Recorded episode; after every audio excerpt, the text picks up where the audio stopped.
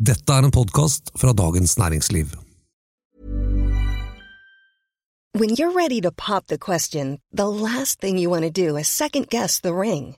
At Bluenile.com, you can design a one of a kind ring with the ease and convenience of shopping online. Choose your diamond and setting. When you find the one, you'll get it delivered right to your door. Go to Bluenile.com and use promo code LISTEN to get $50 off your purchase of $500 or more. That's code LISTEN at Bluenile.com for $50 off your purchase.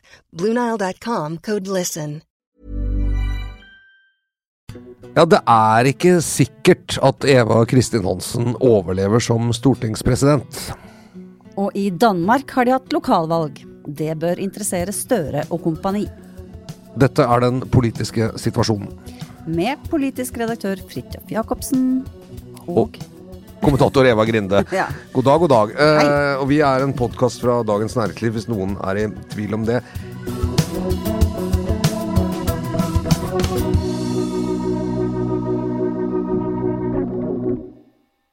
Altså når vi sitter her, det er nesten så, så det er litt eh, vondt å sitte her. og man må, vi, må, vi sitter med mobilen i hånda. Det er veldig fristende å følge med på dette dramaet rundt stortingspresident Eva Kristin Hansen.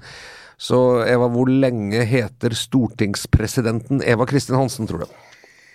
Det er ikke helt uh, godt å si. Vi skal alltid være forsiktige med å slå fast uh, ting om fremtiden. Men det er jo noe med denne saken som gjør den ekstra vanskelig. Altså hun kommer jo inn i en sånn serie av stortingsrepresentanter som har tatt for seg av eh, goder og eh, frynsegoder, kan vi vel nesten kalle det, ikke sant? Um, og så har det nå kommet opp at, uh, at også hun har feilaktig hatt en uh, pendlerbolig i årene 2015-2017. 2014 til 2017, tror jeg. 2014 til 2017, ja. Tre år der sånn. Um, som hun uh, ikke meldte fra om, ikke da. Og ikke etter at uh, Ropstad-gate uh, slo ut i full blomst i offentligheten. Uh, ikke sant? Da det ble veldig mye snakk om disse reglene. Og hvordan de har blitt misforstått og misbrukt, uh, slash misbrukt, kanskje, osv. Så, Mm, så ja. Tror, vi er jo her i en podkastens på en måte fallgruve, nemlig at vi tar opp dette programmet på eh, onsdag ettermiddag. Men det kan jo Torsdag. hende at Torsdag ettermiddag, unnskyld. Torsdag ettermiddag. Uh, går litt i surr. Uh, og, det kan jo faktisk hende at når folk hører det, så har det skjedd så mye Ja. i saken at, at liksom spekulasjonen om hvorvidt hun blir sittende eller ikke, er, blir irrelevant. Det, det er en podkastfelle, så jeg tenkte vi kan Vi må kanskje i, i, liksom i frykt for Mm. at, vi, eh, at vi gjør oss selv veldig irrelevante ved å sitte og spekulere over ting som da har skjedd, når folk hører på. Dette ble veldig filosofisk, følte jeg, men eh, podkaster er jo et filosofisk eh, medium. ja, det er det. Det nærmeste vi pressefolk kommer eh, filosofering. Eh, det er ikke veldig nært ekte filosofi, men det er det nærmeste vi kommer. Men, men, men eh, jeg syns det er interessant i veldig mange av disse sakene, også i Ropstad. og Snakk for deg selv filosoferer og filosofere ganske mye, egentlig. Ja, ja. Mm, ja, Inni okay. hodet, eller? Ja, mye inni hodet, og litt utenfor. Ja, litt utenfor. Ok, da er du på et annet nivå enn meg. Men, eh, men eh, skyld, ansvar, regler, intensjon Altså, det er jo et Altså, her er vi inne i et litt sånn komplisert landskap. Og det, dette sier jeg fordi Eva Kristin Hansen akkurat før vi gikk inn her har sagt at ja, jeg har nok misforstått reglene. Men jeg har gjort det i god tro, og hun fortalte oss en del ganske sånn veldig private ting i sitt eget liv, annet om en veldig krevende sykdomsperiode. Eh, og så sier noen ja, men hvis du er på Nav sant, og rapporterer noe feil, så er det liksom helt nådeløst. Jeg, det, det vet ikke jeg om stemmer for alle. Jeg håper Nav også kan ha en slags fleksibel eller menneskelig side, men, men jeg vet ikke. Men de, men de kan også ikke ha det, det vet vi jo. Men, De- de- men, men hvor ligger det politisk? Skyld, ansvar, det er jo ikke så veldig enkelt. Nei, det er ikke det. Og, og det som jeg syns det ser veldig ut som i dette tilfellet, for det handler jo om disse eh, retten til å få en eh, pendlerleilighet i Oslo dersom man bor et annet sted i landet når man blir valgt inn på Stortinget, ikke sant. Og logikken er jo helt eh, åpenbar. Du skal, ikke, du skal ikke være avhengig av å kunne betale for to boliger for å kunne si ja til, eller for, for å kunne bli valgt inn på Stortinget. Det skal ikke ha med penger å, å gjøre. Så, så sånn sett, intensjonen er jo veldig klar og god. Og så har det jo vært et regelverk som sier noe sånt som at hvis du er folkeregistrert eh, et annet sted eh, enn Oslo, eller hvis du bor mer enn fire mil fra Stortinget, så har du rett på en pendlerbolig. Ja, En stortingsleilighet, som vi kaller det ofte. En stortingsleilighet. Og de. Ja. de disponerer jo 143 stykker eller noe sånt, så det er jo en svær eh, park av leiligheter som da skal tilbys til, til, til folk som trenger det. Um, men regelverket har helt åpenbart vært uh, uklart og misbrukt. Og jeg, jeg, jeg syns det ser ut som at det er på en måte en slags overenskomst mellom administrasjon og stortingsrepresentanter osv. om at dette er del av frynsegodene man får på Stortinget, og det er greit å Vi legger oss ikke oppi om man på en måte tilpasser litt for å faktisk få lov å benytte seg av dette tilbudet. Ikke sant? For det har ikke vært noe noe særlig ettergåelse av eh, hvor, hvor folk bor hen, og om de egentlig har rett på det. Men så i Ropstad sitt tilfelle, altså tidligere leder av KrF, da, som til slutt gikk på den uh, saken, han var jo åpen med administrasjonen hele veien og fikk uh, om at han ja, hvordan var hans historie igjen? Altså, han meldte jo han, han bodde hjemme hos mor og far. Ja. Uh, formelt, eller sånn offisielt. Folkeregistrert, ja. Folkeregistrert. Ehm, hadde Eide en leilighet på eh, et hus på, på Lillestrøm, eller halvparten av det, Ja, ja. som han leide ut istedenfor å bo. Ja. Og så fikk han gratis uh, 73 kvadratmeter uh, stortingsleilighet. Fordi han var folkeregistrert hjemme hos mor og far. Ja. Og underveis i en lang periode eh, liksom, Dette meldte han om igjen og om igjen, og han giftet seg og fikk barn. og ja? Mange sånne ting som bare sånn hm, Bor du nå egentlig på gutterommet? Ja, ja, ja. Men, men sånt la man seg ikke opp i. Og, og det ble også sagt et sted underveis der at ja, om folk investerer pengene sine i leili en leilighet eller i noe annet, det kan ikke vi legge oss opp i. Sånn at det å ha en leilighet man leier ut i Oslo, Ja. det var ikke diskvalifiserende for å få denne eh, leiligheten. Så dermed så satt han med skattefri eh, leilighet og inntekter fra egen bolig nærmere enn fire mil til Stortinget.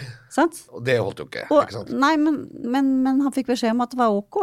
Han, han løy ikke om Nei. noe av dette her. Nei. Inntil Nei, det er helt sant. Det, 2019. Ja. det, det, jeg tror egentlig sånn nå, jeg tror liksom Fordømmelsen av Hansen den er ganske massiv og ganske unison. Eh, og det er mye som jeg tror på kanskje ikke helt holder her. Men Skal vi recappe litt hva som er Ja, for- hennes situasjon nå? Ja, altså, ikke sant. Det hun sier, da, eh, og det er vel kanskje kjent for de som, som hører på, var at hun hun eh, bodde i Trøndelag, re- representerte Trøndelag.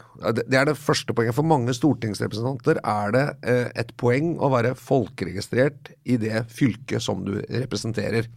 Eh, Det er i og for seg et relativt greit poeng. Fordi at i forbindelse med nominasjon, det er noe med hvor du skatter til, på en måte litt sånn hvor du har din offisielle base.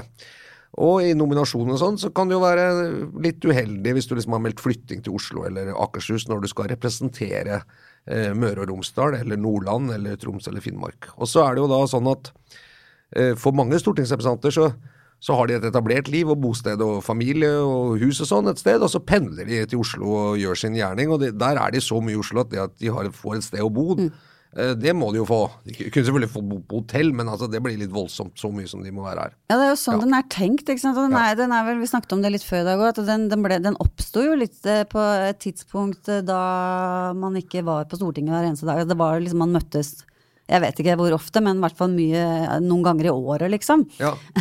Og så, så, Mens nå er jo dette en dag, eh, dagjobb. Ja, det er, ikke sant? Det er jo en, det er jo en pendlertilværelse. Så det, og det tror jeg er mitt inntrykk. i hvert fall. De fleste syns det er rimelig at hvis du eh, på en måte blir valgt, så må du være veldig mye i Oslo og representere fylket ditt og velgerne dine.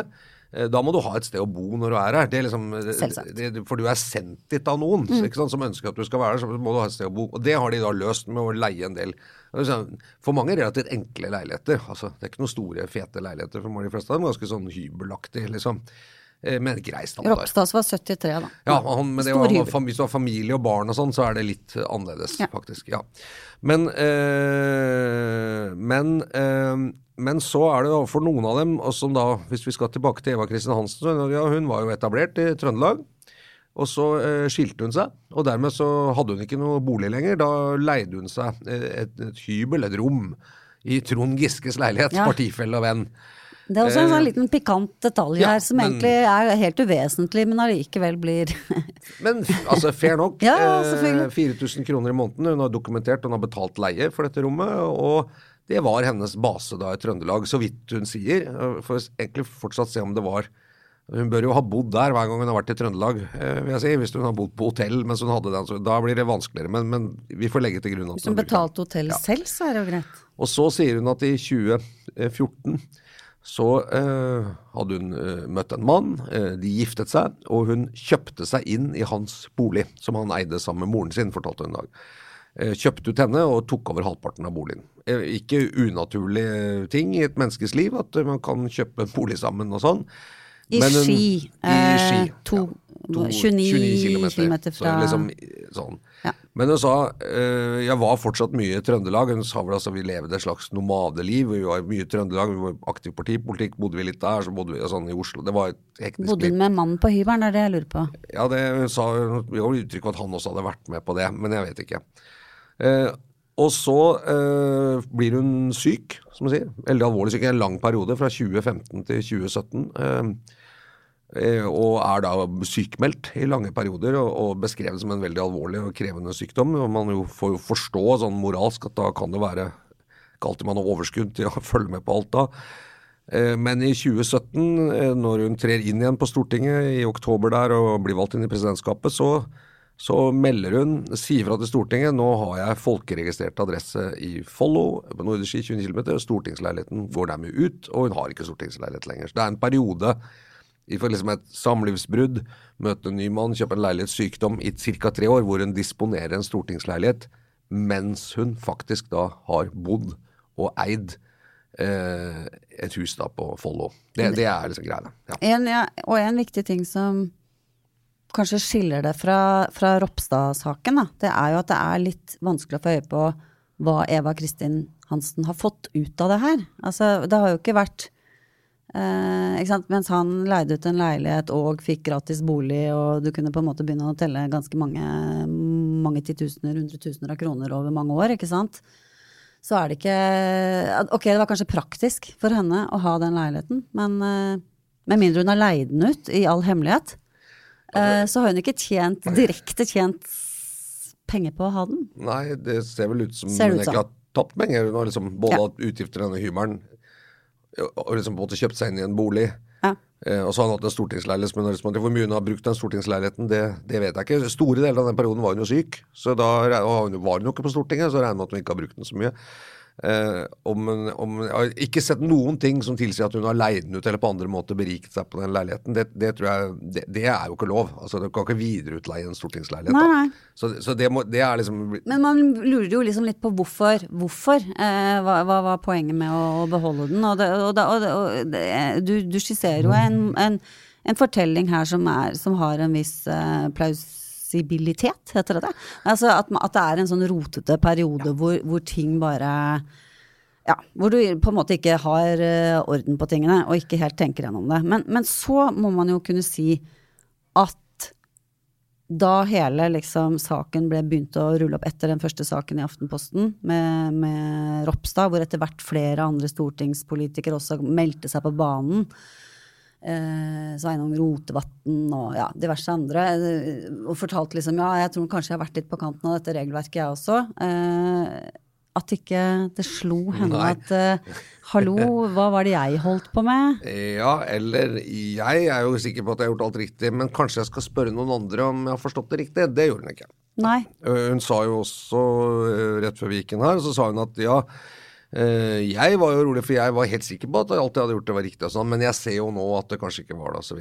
Uh, og det er nok, tror jeg, for meg det som gjør at Og da når du i tillegg på en måte er aktuell i miksen som stortingspresident, som jo Det tror jeg liksom allerede ja. før valget hun var hun var på en måte Arbeiderpartiets fremste ja, sånn, ja. til presidentskapet og lå an til å bli stortingspresident i, under et nytt flertall.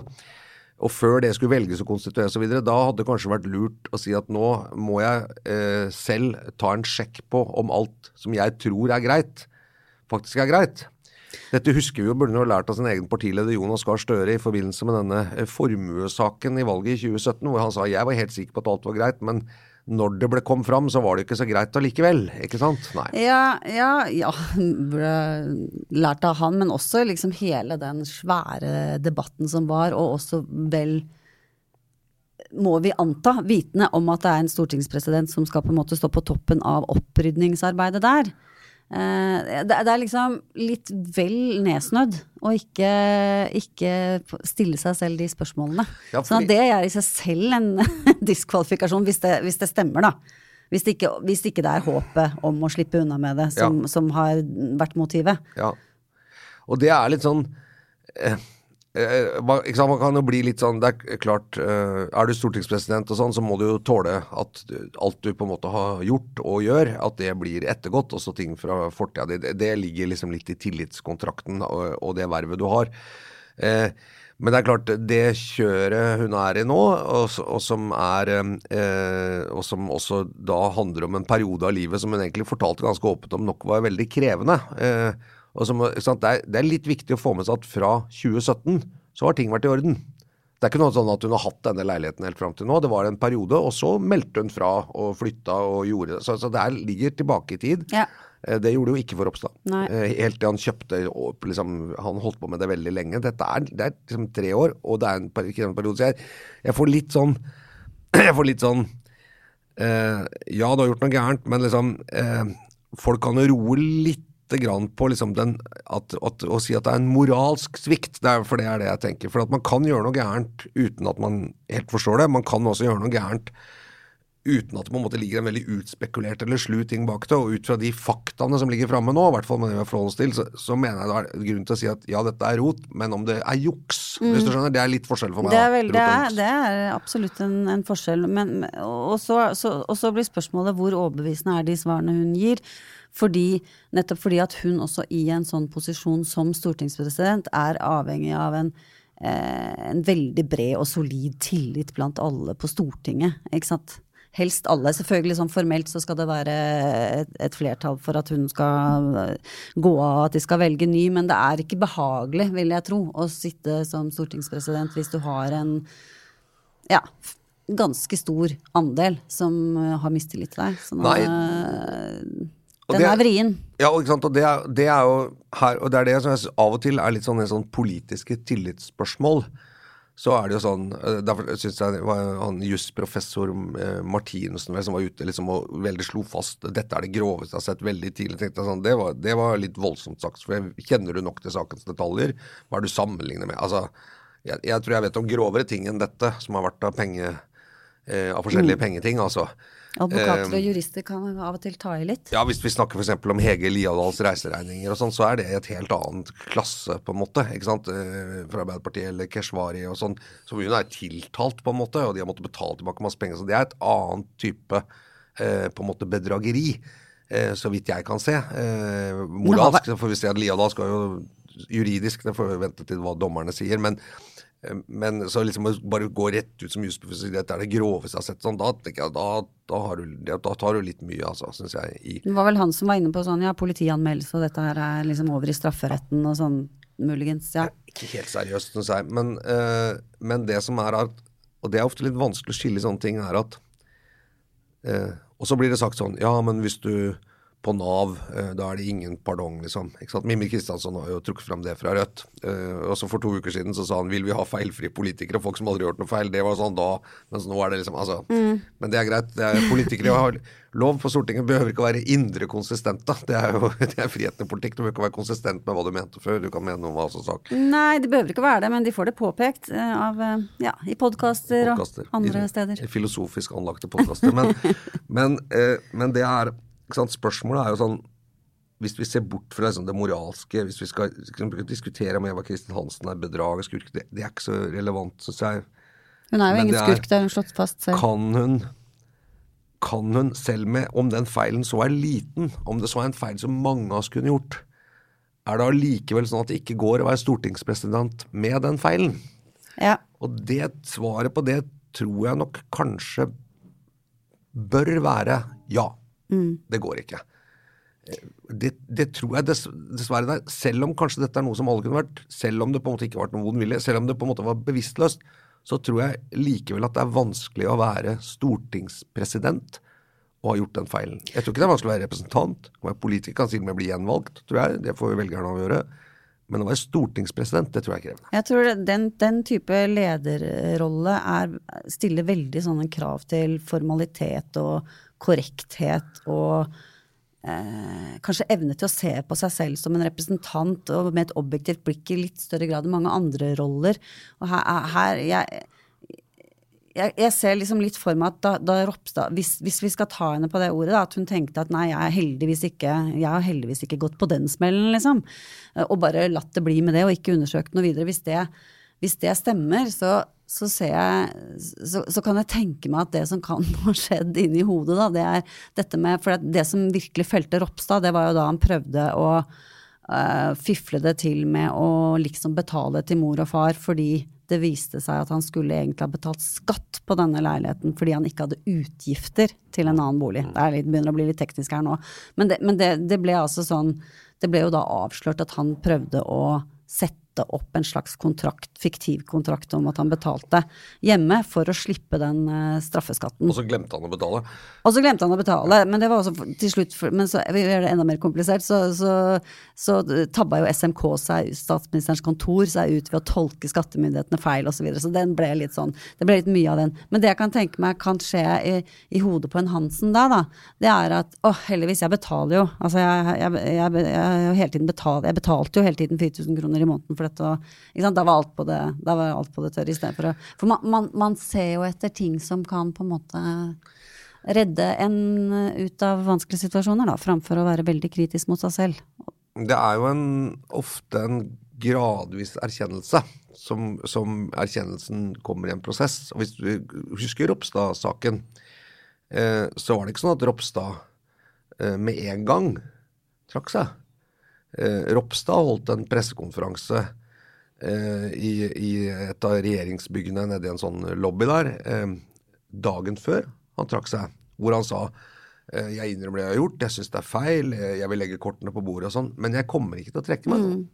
Jeg kommer ikke til å trekke meg. Jeg syns ikke det er liksom rimelig, men jeg vil, for å rydde opp og sånn. Altså, han, han eh, sto imot presset, og det var mange som sa du må trekke deg, må trekke deg og sånn. Eh, men til slutt gjorde han det.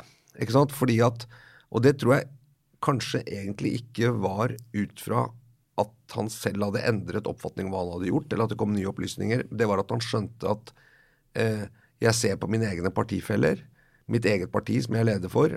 Jeg ser innad i regjeringen. De kan ikke leve med det. De, har, de har ikke tillit til meg. Mm. Jeg synes, kan synes det er urettferdig, jeg kan mene de burde ha det, men de har det ikke. Og da er konklusjonen Da går det ikke lenger.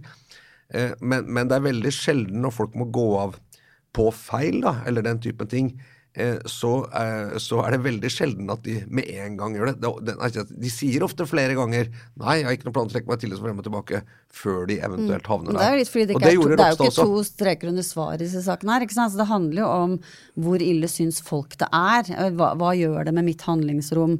Eh, Den eh, graden av mistillit jeg får. Eh, Overlever jeg eller ikke? Det tar jo litt tid å finne ut, rett og slett. Så hvis vi ser her òg, det, det, er litt spennende å se nå om, om ikke for jeg, jeg, jeg syns jo kommentatorer og andre var jo veldig, veldig sterkt ute fort med Hansen og mente at hun måtte gå egentlig mye sterkere enn Enda sterkere enn i Ropstads tilfelle, så vidt jeg kan huske det, da. Eh, mens, eh, mens muligens den redegjørelsen hun hadde i dag, med, med de omstendighetene hun var i mellom 2015 og 2017 osv., kan, mul Ja, kan muligens snu stemningen noe her. men, men det er jo også en, sikkert en konsekvens av Ropstad-saken at fordi Ropstad gikk av, så så har han på en måte satt en standard. Det var jo mange andre som på en måte kom i kjølvannet som også hadde misforstått og bodd på noen gutterom og litt sånn, men som ikke fikk noen konsekvenser for. ikke sant? Eh, Men, eh, men det har nok ikke sant, Ropstad har jo satt en terskel der da, ved sin avgang. Eh, Men jeg, jeg tror i sånne prosesser som dette Eh, og så får vi jo se eh, hvor prosessen er når, når lytterne hører på dette. Men så, så, så er det ganske vanlig oppskrift at det første er liksom nei, jeg har ikke gjort noe gærent. Så er det å forsvare seg, og så er det da nå er liksom ting ute, mer informasjon kommer frem. Eh, ting, da- skrur de på alle antennene og sier ok, hva er stemningen i omgivelsene? I eget parti først og fremst, iblant mine nære. Og hvis du ser at de begynner å flakke støtte. med blikket og sier liksom mm, dette her? Og på et eller annet tidspunkt så er det også en partivurdering fra Arbeiderpartiet. Her la jeg merke til at Jonas Gahr Støre onsdag sa vi har tillit, ikke noe grunn til å ikke ha tillit. I dag så justerte han torsdag så justerte han det og sa at liksom, dette får Stortinget avgjøre, dette er alvorlig greie. Det var Altså, sånn, han, han dro det ned da. liksom? Første reaksjonen fra partiene, var, fra Arbeiderpartiet og sånn, var vi har tillit. Case Ja, closed, altså han liksom. dro ned graden av tillit, ja. Ja, men det er en dynamisk situasjon. Han åpna, han åpna det litt. Eh, og, det, og det er, jeg tipper det er, liksom, det er der det går. Altså hun, partiet, omgivelsene må liksom ta en vurdering og hun må se går dette eller går det ikke. Og, og altså, hva er nedsiden? Nedsiden er jo at hun da ikke er stortingspresident, men får et annet verv på Stortinget. Så representant vil hun jo fortsatt være. Og, og ut fra hva jeg kan se om saken nå, så vondt for å si at dette skal bli noen sånn straffesak. Eller, altså, det er en feil, liksom. Men, men, eh, men Nå må vi jo være forsiktige med spekuleringen, for når folk lytter på dette, så Ja, da jeg- Har vi kanskje stå- fasit? Jeg skal stå for det, da. At, eh, at jeg spekulerte om det. Ja. Da, ja. Men det er, det er en interessant greie, og så syns jeg også på en måte at dette har vært en serie saker. DNA også har hatt mange saker om etterlønnsordninger Ja. og karantener og sånn. Um, jeg tror en kontinuerlig kritisk og avslørende journalistikk om dette, ikke ganske små penger for en pakke, men om ledende politikere eller andre ledende på en måte offentlige eh, folk som får penger av det offentlige, av fellesskapet, hvordan de bruker det sånn, det er veldig viktig for å opprettholde tilliten til de institusjonene. Ja, og det er derfor stortingsrepresentanter og andre eh, av den, med den type posisjoner bør være utrolig interessert i å bli ordentlig ettergått og kontrollert i de spørsmålene der. ikke Ja. sant? For de har jo i utgangspunktet en, en frihet til å styre seg selv og er valgt av Eller folket er deres sjef videre. Men, men eh, det er tydelig at eh, altså eh, Ligger det, Går det an å berike seg eh, innenfor reglene så vidt det er, liksom selv, så gjør man det, da. Eller i hvert fall Det, det har helt åpenbart vært en sånn kultur. Eh, Det var, det var noen som skrev at det var en misforståelse Fikk spørsmålet er det en misforståelseskult kultur på Stortinget. Det var veldig bra. Ja, politisk misforståelseskultur. Ja. Veldig utbredt på Stortinget. Ja, og medisinen er jo sant, dessverre det gamle avskrekking. At du må være redd for å bli tatt. Og så må du få konsekvenser hvis du blir avslørt. da. Det er den beste medisinen mot at folk begynner å utnytte ordninger. Det er liksom tåler det dagens lys, og det kommer til å komme fram. For, for det skal jo Stortinget ha.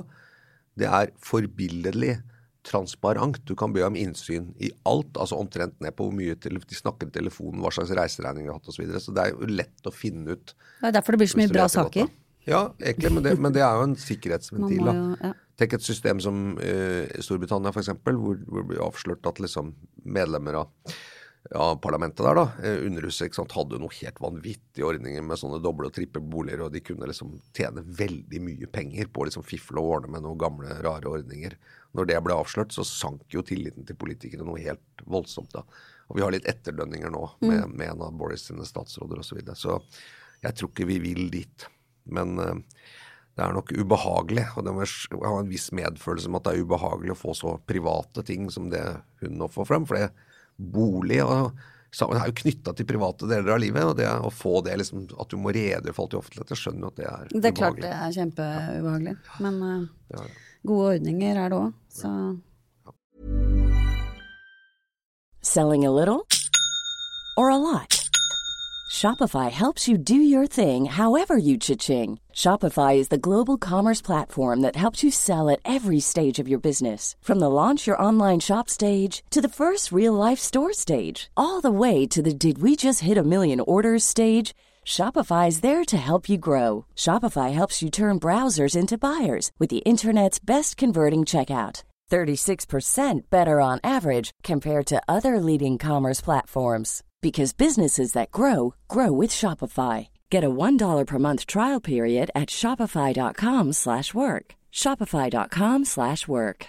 If you're looking for plump lips that last, you need to know about Juvederm lip fillers. With Juvederm Volbella XC and Juvederm Ultra XC, your lip look, whether it's subtle or bold, can last up to one full year with optimal treatment and no additional maintenance. Find a licensed specialist and see if it's right for you at juvederm.com today. That's J U V E D E R M.com. Add fullness to lips in adults over 21 with Juvederm Volbella XC or Juvederm Ultra XC. Do not use if you have severe allergies or a history of severe allergic reactions, or if you're allergic to lidocaine or the proteins used in Juvederm. Tell your doctor if you have a history of scarring or taking medicines that decrease the body's immune response or that can prolong bleeding. Common side effects include injection site redness, swelling, pain, tenderness, firmness, lumps, bumps, bruising, discoloration, or itching. As with all fillers, there's a rare risk of unintentional injection into a blood vessel, which can cause vision abnormalities, blindness, stroke, temporary scabs, or scarring. For full important safety information, visit juvederm.com.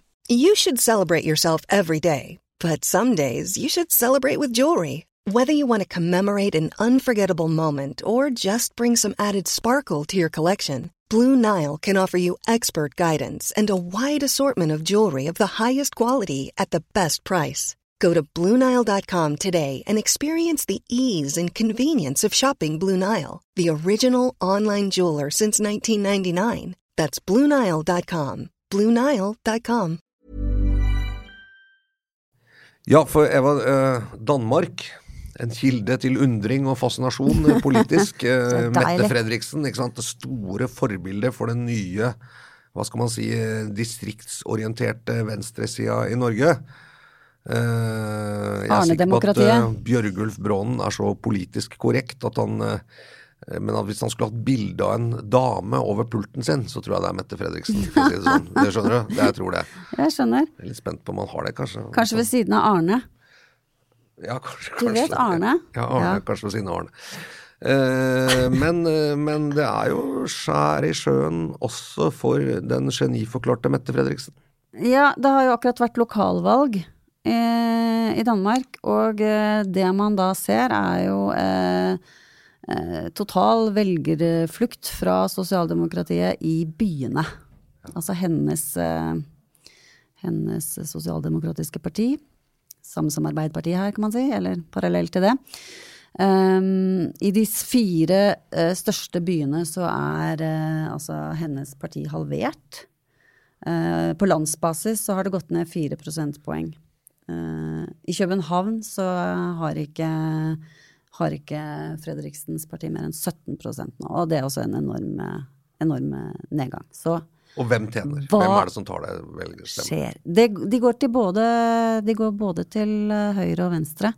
Altså det er litt, litt uh, parallelt uh, som her hos oss, hvor, det, hvor vi ser liksom um, SV og Rødt og MDG, ikke sant. Hvis vi tar med MDG på venstresiden, da, men i hvert fall på den radikale siden, uh, har, har tjent i byene. Eh, så er det noe av det, noe av det samme i Danmark, også til, eh, og, og også til høyre, samme som her. For det som har vært interessant, var at jeg var på en, eh, var på en sånn fremleggelse av noen resultater fra valget nå denne uka her. Um, som viser uh, altså at Vårt valg, altså. Um, at uh, utviklingen, uh, polariseringen mellom partiene sånn, når det gjelder by og land, har blitt mye sterkere i Norge. Sånn at hvis du ser på hvem som får stemmene i de minste kommunene og i de største kommunene, så er f.eks. Senterpartiet har en veldig sånn bratt kurve. Eh, ikke sant? Med, med veldig høy støtte i de små kommunene og veldig lav i, i de store. Ikke Mm. sant? Sånn at du ser den, den store forskjellen. Høyre går andre veien, eh, som en sånn motpol. Eh, nå har du at Arbeiderpartiet, hvis du ser på Arbeiderpartiet i Norge, så, det, så er det faktisk eh, et av de, sammen med KrF, et av de partiene som ikke foreløpig da, eh, skiller seg sånn systematisk mellom små og store kommuner. Nå vet vi at Arbeiderpartiet f.eks. gikk veldig ned i Oslo, i, i hovedstaden, og det kan jo være en sånn pekepinn på en måte hvilken retning det går. Og de har gifta seg med Senterpartiet i ny regjering, og det kan jo også? Senterpartiet har den. eh. Ja. Så det er um, uh, Ja, vi ser jo liksom altså, at mye av det som har skjedd med, med, med måten Arbeiderpartiet har forandret seg på før, før dette valget og gått sammen med Senterpartiet, ligner jo veldig på den måten uh, Mette Fredriksens uh, sosialdemokrati om, forvandlet seg før det gode valget de hadde i 2019. Ja. Og det er jo derfor man, det er interessant å se hva som skjer i Danmark, for å forutsi noe av de samme bevegelsene her, da. Det er ganske historisk interessant. Altså, man skal forsiktig med å trekke sånne lange historiske linjer på kort, relativt korte perioder, men, men jeg opplever at sant, Arbeiderpartiet tradisjonelt det der gamle by og land hand i hand, som er et sånn forslitt slagord, men egentlig det man gjorde, var jo å bygge en felles politisk identitet mellom folkegrupper som på en måte rent sånn økonomisk eller arbeidsmessig hadde litt, litt lite med hverandre å gjøre, nemlig på en måte industri eller, eller lave eller sånn lave funksjonær arbeiderklasse som eh, bodde da sant, tok løftet på en måte nesten fra slum eller dårlige boforhold og opp i drabantbyer osv. Og, så og eh, det eh, segmentet på landsbygda som, som Martin Kolberg beskriver så godt i sin biografi? Som hvor hovedfienden på landet var jo Senterpartiet, ikke Høyre. Eh, storbøndene. Altså på en måte eh, folk med dårlig råd eh, i, eh, i Distrikts-Norge, da. Ikke sant? Eh, og, og, det, og, og Arbeiderpartiet som ble jo til ikke sant, på det, på, i Arendal med den arbeiderforeningen og stiftet osv. Altså det, er- det, er liksom, det har jo alltid hatt, og det har vært vellykket, det å klare å bygge en sånn felles arbeiderpartienhet mellom industriarbeidere i byer og eh, på en måte de lavere klassene på landet.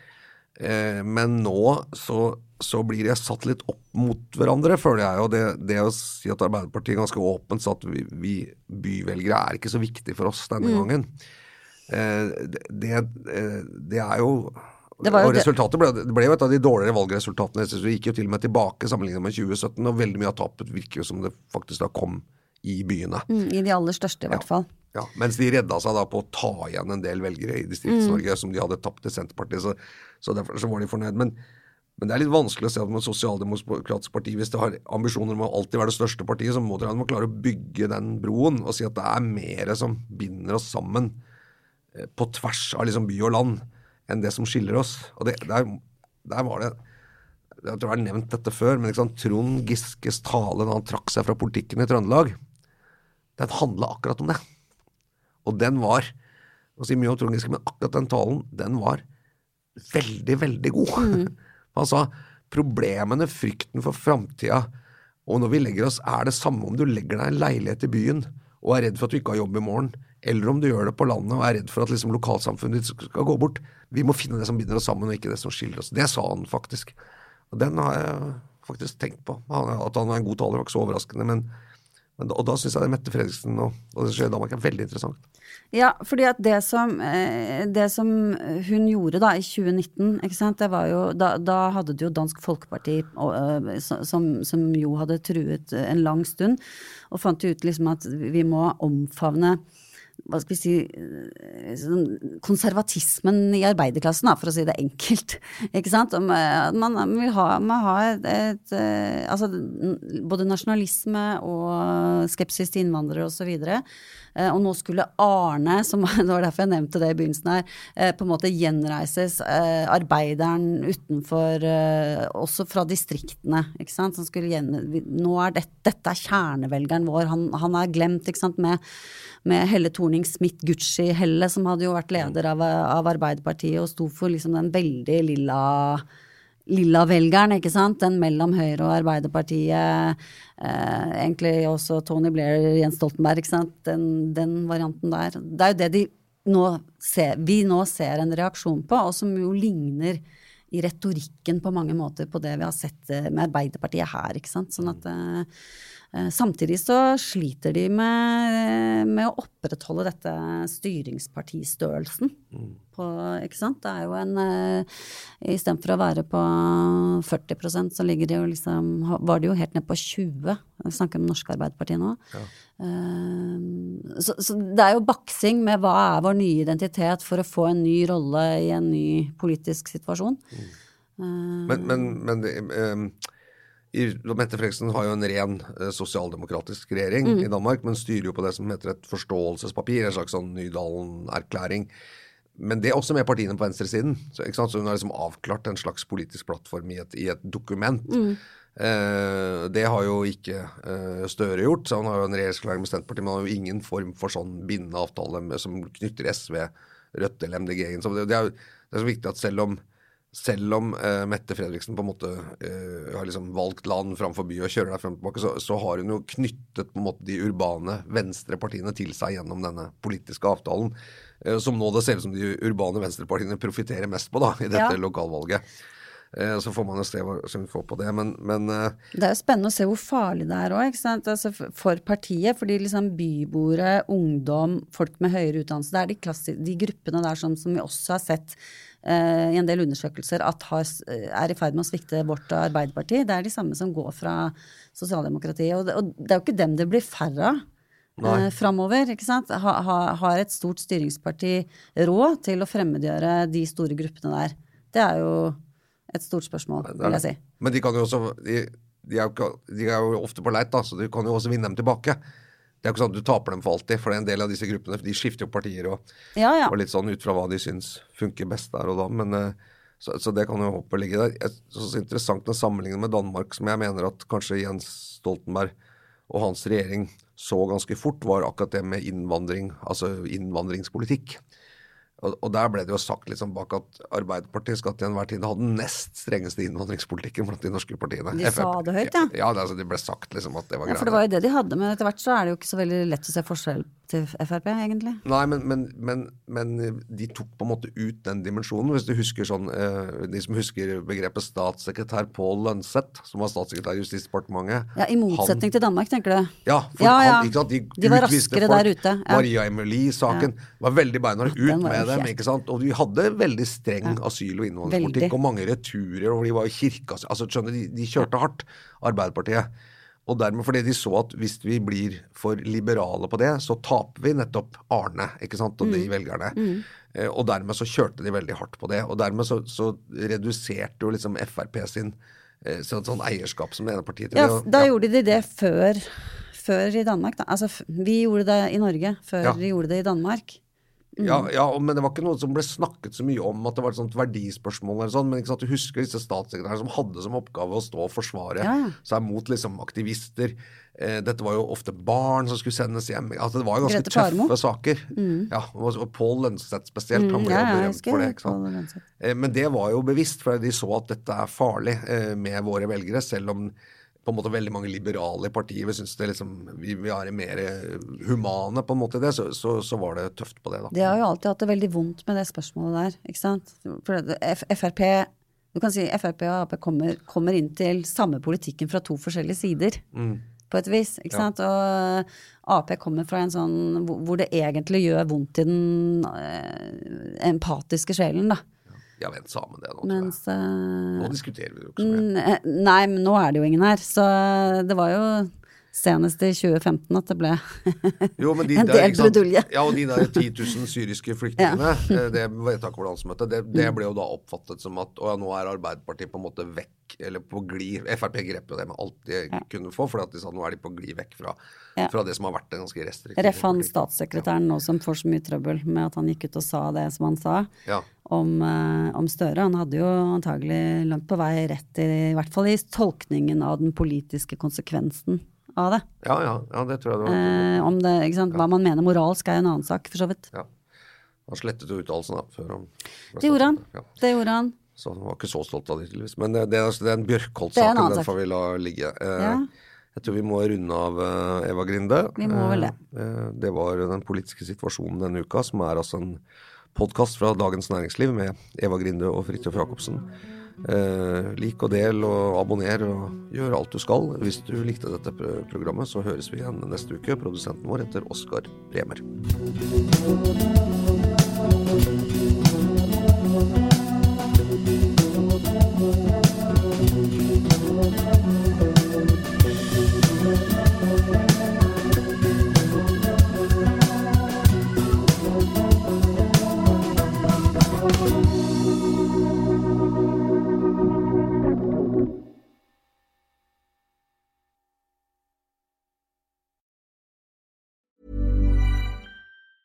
Planning for your next trip? Elevate your travel style with Quince. Quince has all the jet setting essentials you'll want for your next getaway, like European linen, premium luggage options, buttery soft Italian leather bags, and so much more. And is all priced at 50 to 80% less than similar brands. Plus, Quince only works with factories that use safe and ethical manufacturing practices. Pack your bags with high-quality essentials you'll be wearing for vacations to come with Quince. Go to quince.com slash pack for free shipping and 365-day returns. When you make decisions for your company, you look for the no-brainers. And if you have a lot of mailing to do, stamps.com is the ultimate no-brainer. It streamlines your processes to make your business more efficient, which makes you less busy. Mail checks, invoices, legal documents, and everything you need to keep your business running with stamps.com. Seamlessly connect with every major marketplace and shopping cart. Schedule package pickups and see your cheapest and fastest shipping options from different carriers. With rates up to 89% off USPS and UPS rates. And with the Stamps.com mobile app, you can take care of mailing and shipping wherever you are. Make the same no-brainer decision as over 1 million other businesses with Stamps.com. Sign up with Code PROGRAM for a four-week trial, plus free postage and a free digital scale. No long-term commitments or contracts. That's Stamps.com. Code PROGRAM. Du har nå hørt en podkast fra Dagens Næringsliv.